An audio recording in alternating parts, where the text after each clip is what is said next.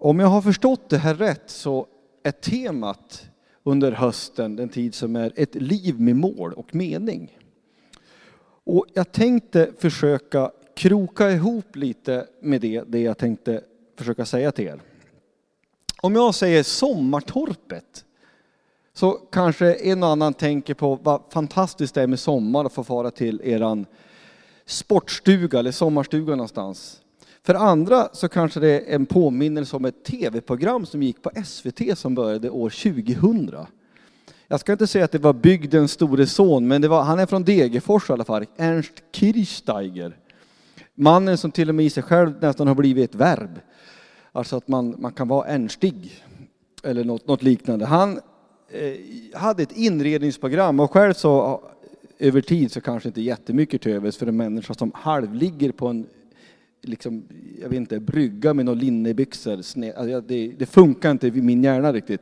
Men för andra kanske det gör det. Och det programmet gick i alla fall ut på att du tog ett gammalt rucker någonstans och så renoverade du upp det, du inredde det och det blev någonting fantastiskt fint utav det som inte var det från början. Och inte så sällan så handlade det om att ta bort det som någon över tid hade lagt dit. Det kanske var någon här, jätteful orangebrun 70-talstapet någonstans och så drog man bort det så såg man här är det en jättefin vägg bakom.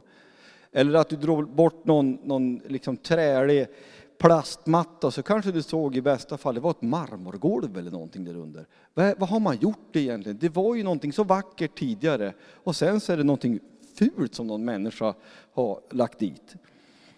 Jag tror att det finns vissa likheter att leva tillsammans med Jesus, att följa honom och att det blir en renovering i ett hus. Alltså, när Jesus flyttar in i en människa så påbörjas en process som vi i alla fall tidigare och även nu kanske kallar för helgelse. Alltså att vi blir mer heliggjorda, eller vi följer Jesus och blir mer honom lik. Då är det ju han som är byggmästaren, han som har skapat oss. Och det är som att han kommer och flyttar in och så tänker han kanske som Ernst gjorde vid något tillfälle, vad är det de har gjort för någonting? De har ju gjort någonting som blev mycket sämre än vad det var från början. Alltså Jesus han får renovera upp oss och ta bort de här plastgolven och ta bort de här konstiga tapeterna kanske. Och så får han göra oss det han har skapat oss till från början. I Romarbrevet kapitel 8 och vers 29 så står det så här. Har ni en telefon med er, ta fram den i så fall. Så kan ni ta fram er bibelapp så hänger ni med. För det blir inget powerpoint och grejer idag kan jag säga. Jag tror jag har gjort två powerpointer i hela mitt liv. Det kanske kommer en tid när jag gör det mer, men än så länge har den icke inträffat. Så om ni tar fram det i så fall, eller om ni har en bibel med er, så häng med till Romarbrevet kapitel 8 och vers 29. Och då står det så här att ty dem som han i förväg har känt som sina har han också förutbestämt till att formas efter hans sons bild för att sonen skulle vara den förstfödde bland många bröder. Han har förutbestämt oss till att formas efter hans sons bild. Det är en Guds tanke att formas efter honom själv.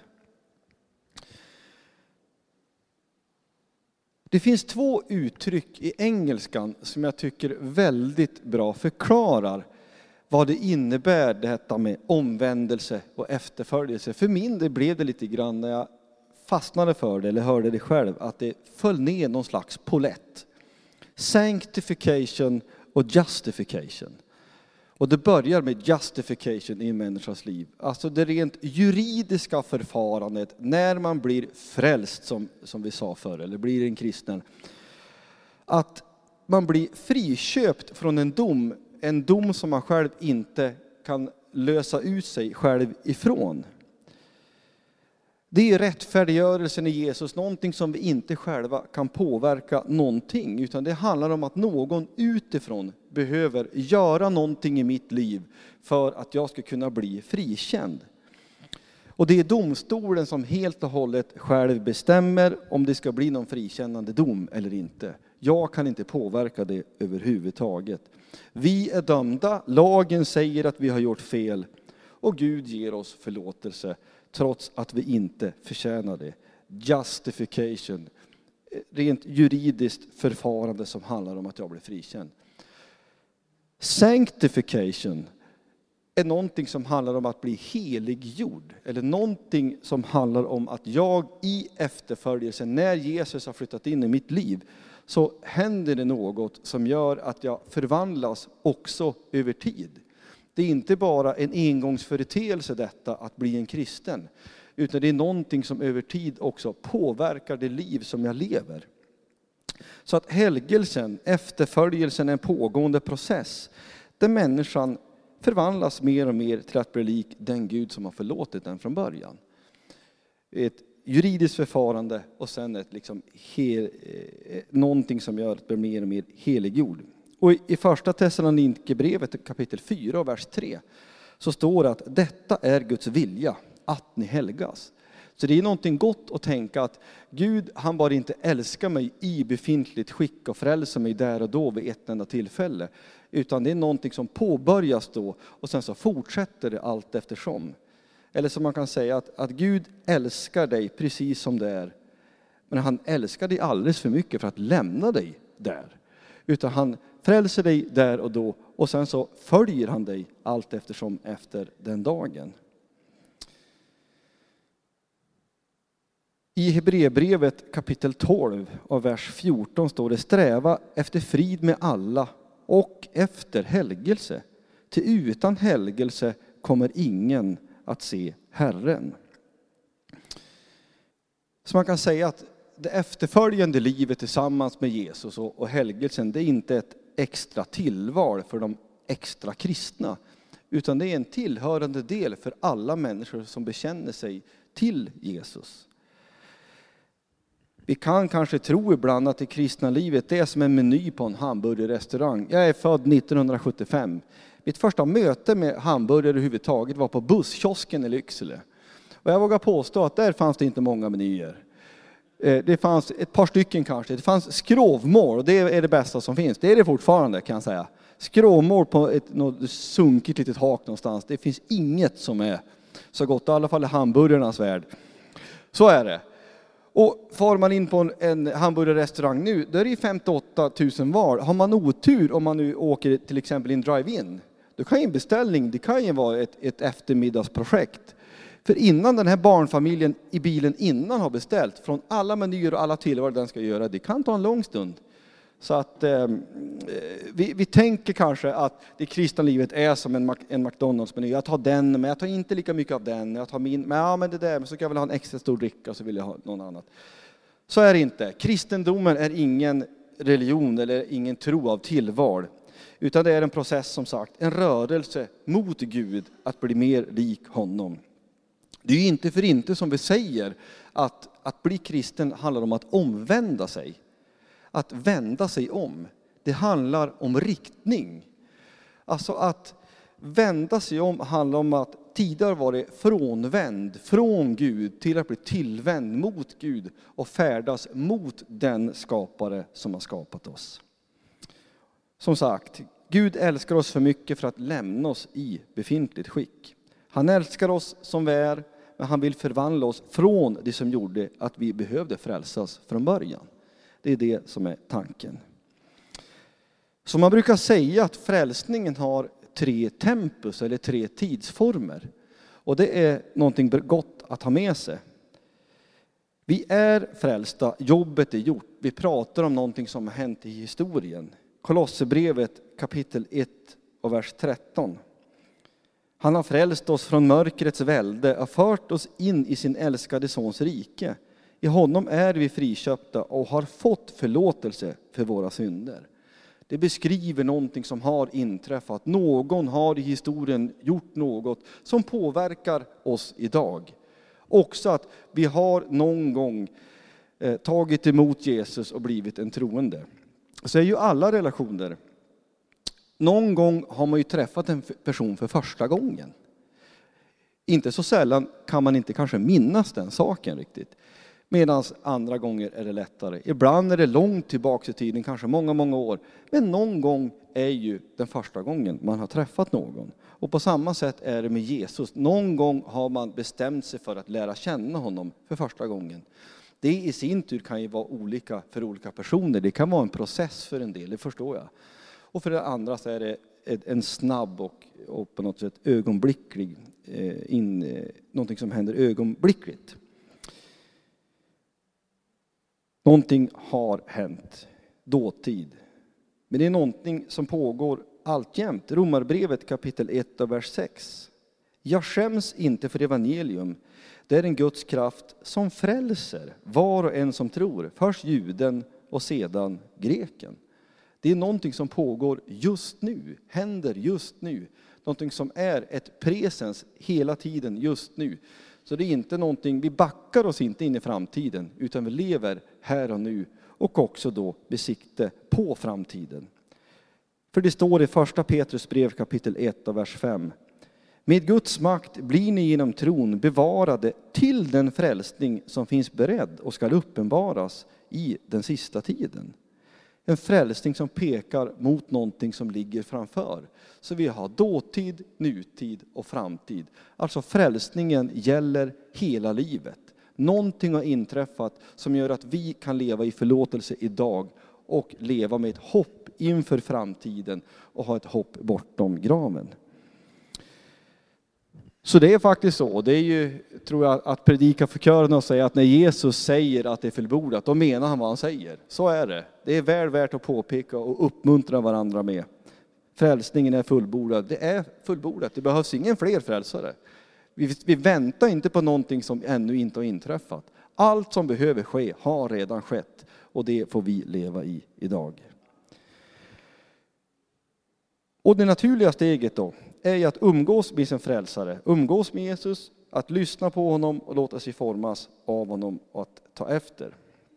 Man kan ju säga så här att det är inte för inte tror jag som Bibeln liknar relationen med Gud och människa som till exempel med en förälder och ett barn, men även mellan makar. Det står om ett himmelskt bröllop i Nya Testamentet till exempel. Och där är det så, jag har min hustru med mig, Malin heter hon. Eh, det, jag vågar nog påstå att även fast det kanske tar lite lång tid och kanske inte är någon slags fullbordat verk på något sätt, så har hon ändå fått lite fason på mig, det vågar jag nog påstå. Alltså, tidigare i ett liv som ungkarl, jag tyckte att det var en ganska bra idé att, ja men fil, då öppnar man ju paket och häller flingor i filpaketet. Varför det? Ja men då, då har du ju ingen disk. Då har du ju bara skeden och då kan man också köpa plastskedar Inget konstigt. Då har du ingen disk alls. Jag tycker det var en briljant idé. Det finns en del eh, nickande igenkännande i lokalen, jag vet inte varför. Ja. Men det tyckte jag var en bra idé och det har ju hyfsat i alla fall lyckats slipa bort. Och sen så finns det andra saker. Jag åt aldrig tomat innan. Tomater åt jag inte. Nej, men det, det har hon lyckats få till lite grann. Så vad vill jag ha sagt med det? Skämt åsido. Jo, men det är någonstans att man präglas utav där man umgås med. Alltså, man slipas till i relationen, ja såklart till sin, till sin man eller hustru, men man slipas ju till i relationen till Gud såklart. Alltså umgås man med honom så präglas man utav honom och blir honom mera lik. Och det innebär ju också att när man säger ja till Jesus så innebär det per definition att man säger nej till annat. Precis som jag för 25 år sedan, nu hör ju hur gammal jag är, jag har varit gift i år i 25 år. När jag sa ja till min hustru så innebär det också att jag sa nej till alla andra kvinnor eller tjejer. Det, det funkar ju så, det är ju inget eh, konstigt, men det är väl värt att påpeka och väl värt att påminna sig om. Säger vi ja till Jesus så säger vi nej till någonting annat. Och det är inte att missunna sig någonting, utan man väljer ja och väljer nej, för man tror att det blir bäst för en i längden. Så det funkar ju inte att liksom hypotetiskt säga, ja men jag tror på Jesus men jag vill inte följa honom. Det går inte riktigt. Det är ungefär som att säga, jag är gift men jag har ingen fru. Alltså det skulle ingen gå med på, utan det är, det är så det fungerar. Tron förutsätter någonting pågående. Och första Thessalonikerbrevet kapitel 5 och vers 23 står, Må fridens Gud själv helga er helt och fullt och må er ande, själ och kropp bevaras hela, så att ni är utan fläck vid vår Herre Jesu Kristi ankomst. Så att det är en djupgående renovering vi pratar om. Vi pratar om någonting som är över tid och som är på riktigt. Jag tror ju att frälsningen börjar på insidan av en människa, eller hjärtat, som Bibeln också talar om. För det är där som eh, på något sätt synden bor, om man kan uttrycka sig så. Och det är dit Jesus flyttar in. Han, han liksom, vi, vi byter bort det sämsta vi har och så får vi det bästa som Gud har i, den, i det bytet. Det är ju världens bästa byte för övrigt. Byta bort det sämsta vi har mot det bästa som Gud har. Och det betyder också, om frälsningen börjar där, så är också processen som vi då kallar för helgelse, befinner sig där också.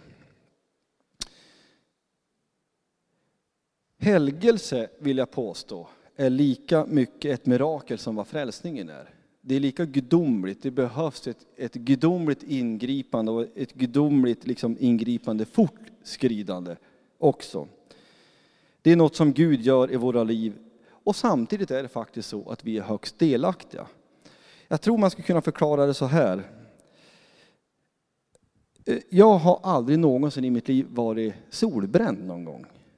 Eh, jag blir röd och sen så blir jag vit igen om jag befinner mig i solen. Men den som nu skulle ha fått för sig att den skulle vilja bli solbränd, det är ju solen som gör att en människa blir, får, får en brun hy. Det är ni med på?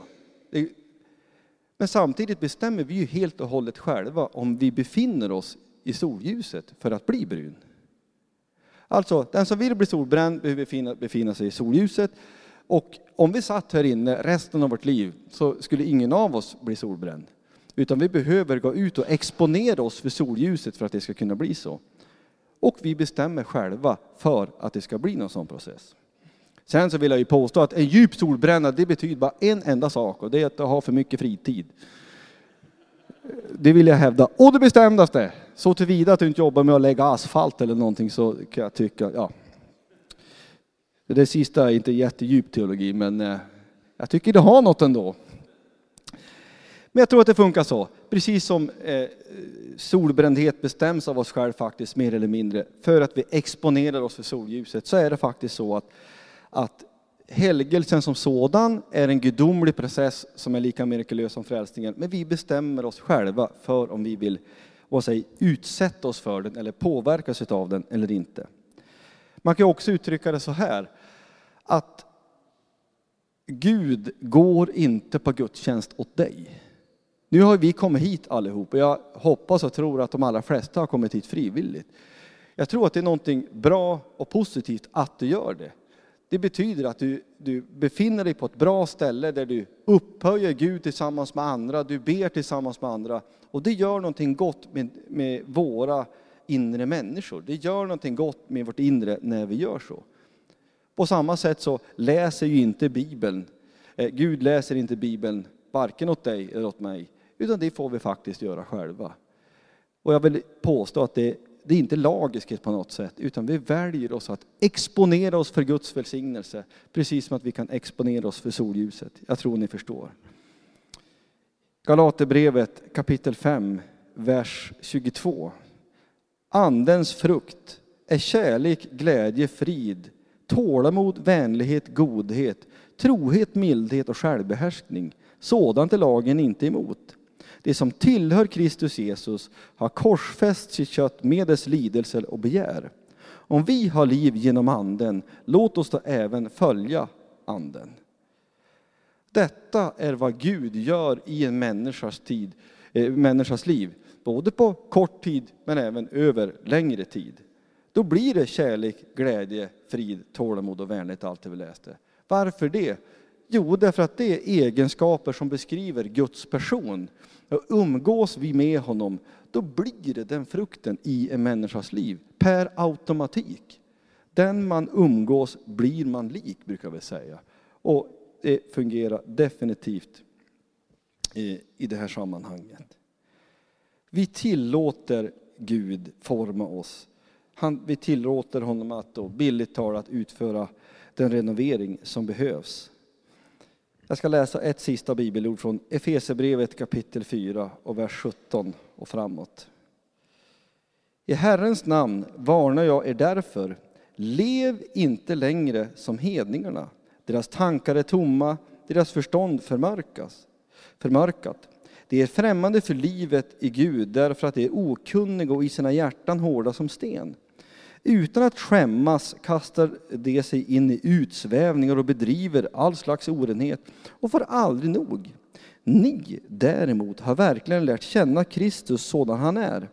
Ni har fått höra honom förkunnat, förkunnas och blivit undervisade i honom enligt den sanning som finns hos Jesus. Ni har lämnat ert förra liv och lagt av den gamla människan som går under bedragen av sina begär och ni förnyas nu till ande och sinne. Ni har iklätt er den nya människan som är skapad till likhet med Gud i sann rättfärdighet och helighet. Lägg därför bort lögnen och tala sanning med varandra. Vi är ju varandras lemmar. Grips ni av vrede så synda inte. Låt inte solen gå ner över er vrede och ge inte djävulen något tillfälle. Tjuven ska sluta stjäla och istället arbeta och uträtta något nyttigt med sina händer, så att han har något att dela med sig åt den som behöver. Låt inget oanständigt tal komma över era läppar. Tala bara det som är gott och blir till välsignelse där sådan behövs, så att det blir till glädje för dem som hör på. Bedröva inte Guds heliga ande som ni har fått som ett sigill på förlossningens dag. Lägg därför bort all bitterhet, häftighet och vrede, allt skrikande och smädande och all annan ondska. Var istället goda och barmhärtiga mot varandra och förlåt varandra, liksom Gud i Kristus har förlåtit er. Ett fantastiskt bibelord som talar just om detta att tidigare var det på ett sätt, sen kom Jesus in i bilden och då blev det någonting annat. Och som sagt, för att då avrunda, inte bara vid ett enstaka tillfälle, att man en gång har mött Gud och fått förlåtelse. Det är fantastiskt och någonting vi ska prisa Gud för. Men vi kan möta honom dagligen. Vi har någonting att se fram emot när vi ska möta honom den dagen vi dör, eller när han kommer tillbaks. Vi har ett hopp som är bortom graven till och med. Tänk att ha ett hopp som inte ens döden rår på. En sån människa, är, han går ju inte att nita på något sätt, utan han har ju allt det han behöver, eller hon behöver. Och det stod också att vi ska vara barmhärtiga mot varandra. Det tänker jag är någonting väldigt gott. Vi, vi lever i en tid, det kanske alltid har varit som, jag uppfattar att det är en tid där det inte finns så mycket barmhärtighet. Gör du ett misstag så kan du bli uthängd på allt från sociala medier och inte, och då kan du vara körd för mycket, mycket lång tid framöver. Jesus han behandlar inte oss så. Han vill att vi ska få förlåtelse och upprättelse. Det bygger ju såklart på eh, det som var vi inne på förut, att man behöver bli frälst eller behöver bli juridiskt frikänd. Vem är det som behöver benådning? Ja, det är ju den som är dömd. Finns det ingen dom så behövs det ingen frälsning. Men om det finns en dom och samtidigt finns en frälsare som kan lösa en från domen, då har vi de bästa av förutsättningar. Och det vill jag påstå att vi har. Ett liv med mål och mening, det är ett, eh, ett liv tillsammans med Jesus. Där man får möta honom gång på gång, eh, många gånger. Vi gläds över historien, vi gläds över den dag som är. Och vi kan ha tillförsikt mot en framtid där det faktiskt finns ett mål och en mening både på kort sikt och på lång sikt. Och det är någonting vi ska vara oerhört tacksamma för och någonting som vi eh, ska uppmuntra och vara barmhärtiga mot varandra när vi försöker så gott vi kan leva tillsammans med honom. Vi ber en bön tillsammans. Jesus, tack för livet med dig som är verkligen ett liv både med mening och med mål. Jag tackar dig för att vi vi, vi, kan känna igen oss i, bibeltexten ibland, där vi kanske, vi for vilse, vi visste inte vad vi åkte åt för håll. Men sen så krokade du tag i oss och så kunde vi hamna på rätt väg och hamna i någon riktning så att det vart någon styrsel och ordning. Jag tackar dig för att du älskar oss så oerhört mycket. Jag tackar dig för din nåd och din barmhärtighet. Jag tackar dig för att du älskar oss alla. Jag tackar dig för att du vill ge oss fortsatt en välsignad tid och en välsignad tillvaro. Jag ber dig du ska styrka den som behöver styrka. Jag tackar dig för att du gläds med den som gläds. Du gråter med den som gråter. Jag tackar dig för att du är hela livets Gud. Du bryr dig om oss i alla skiften och omständigheter. Tack för att vi får lämna allt i din hand. Amen.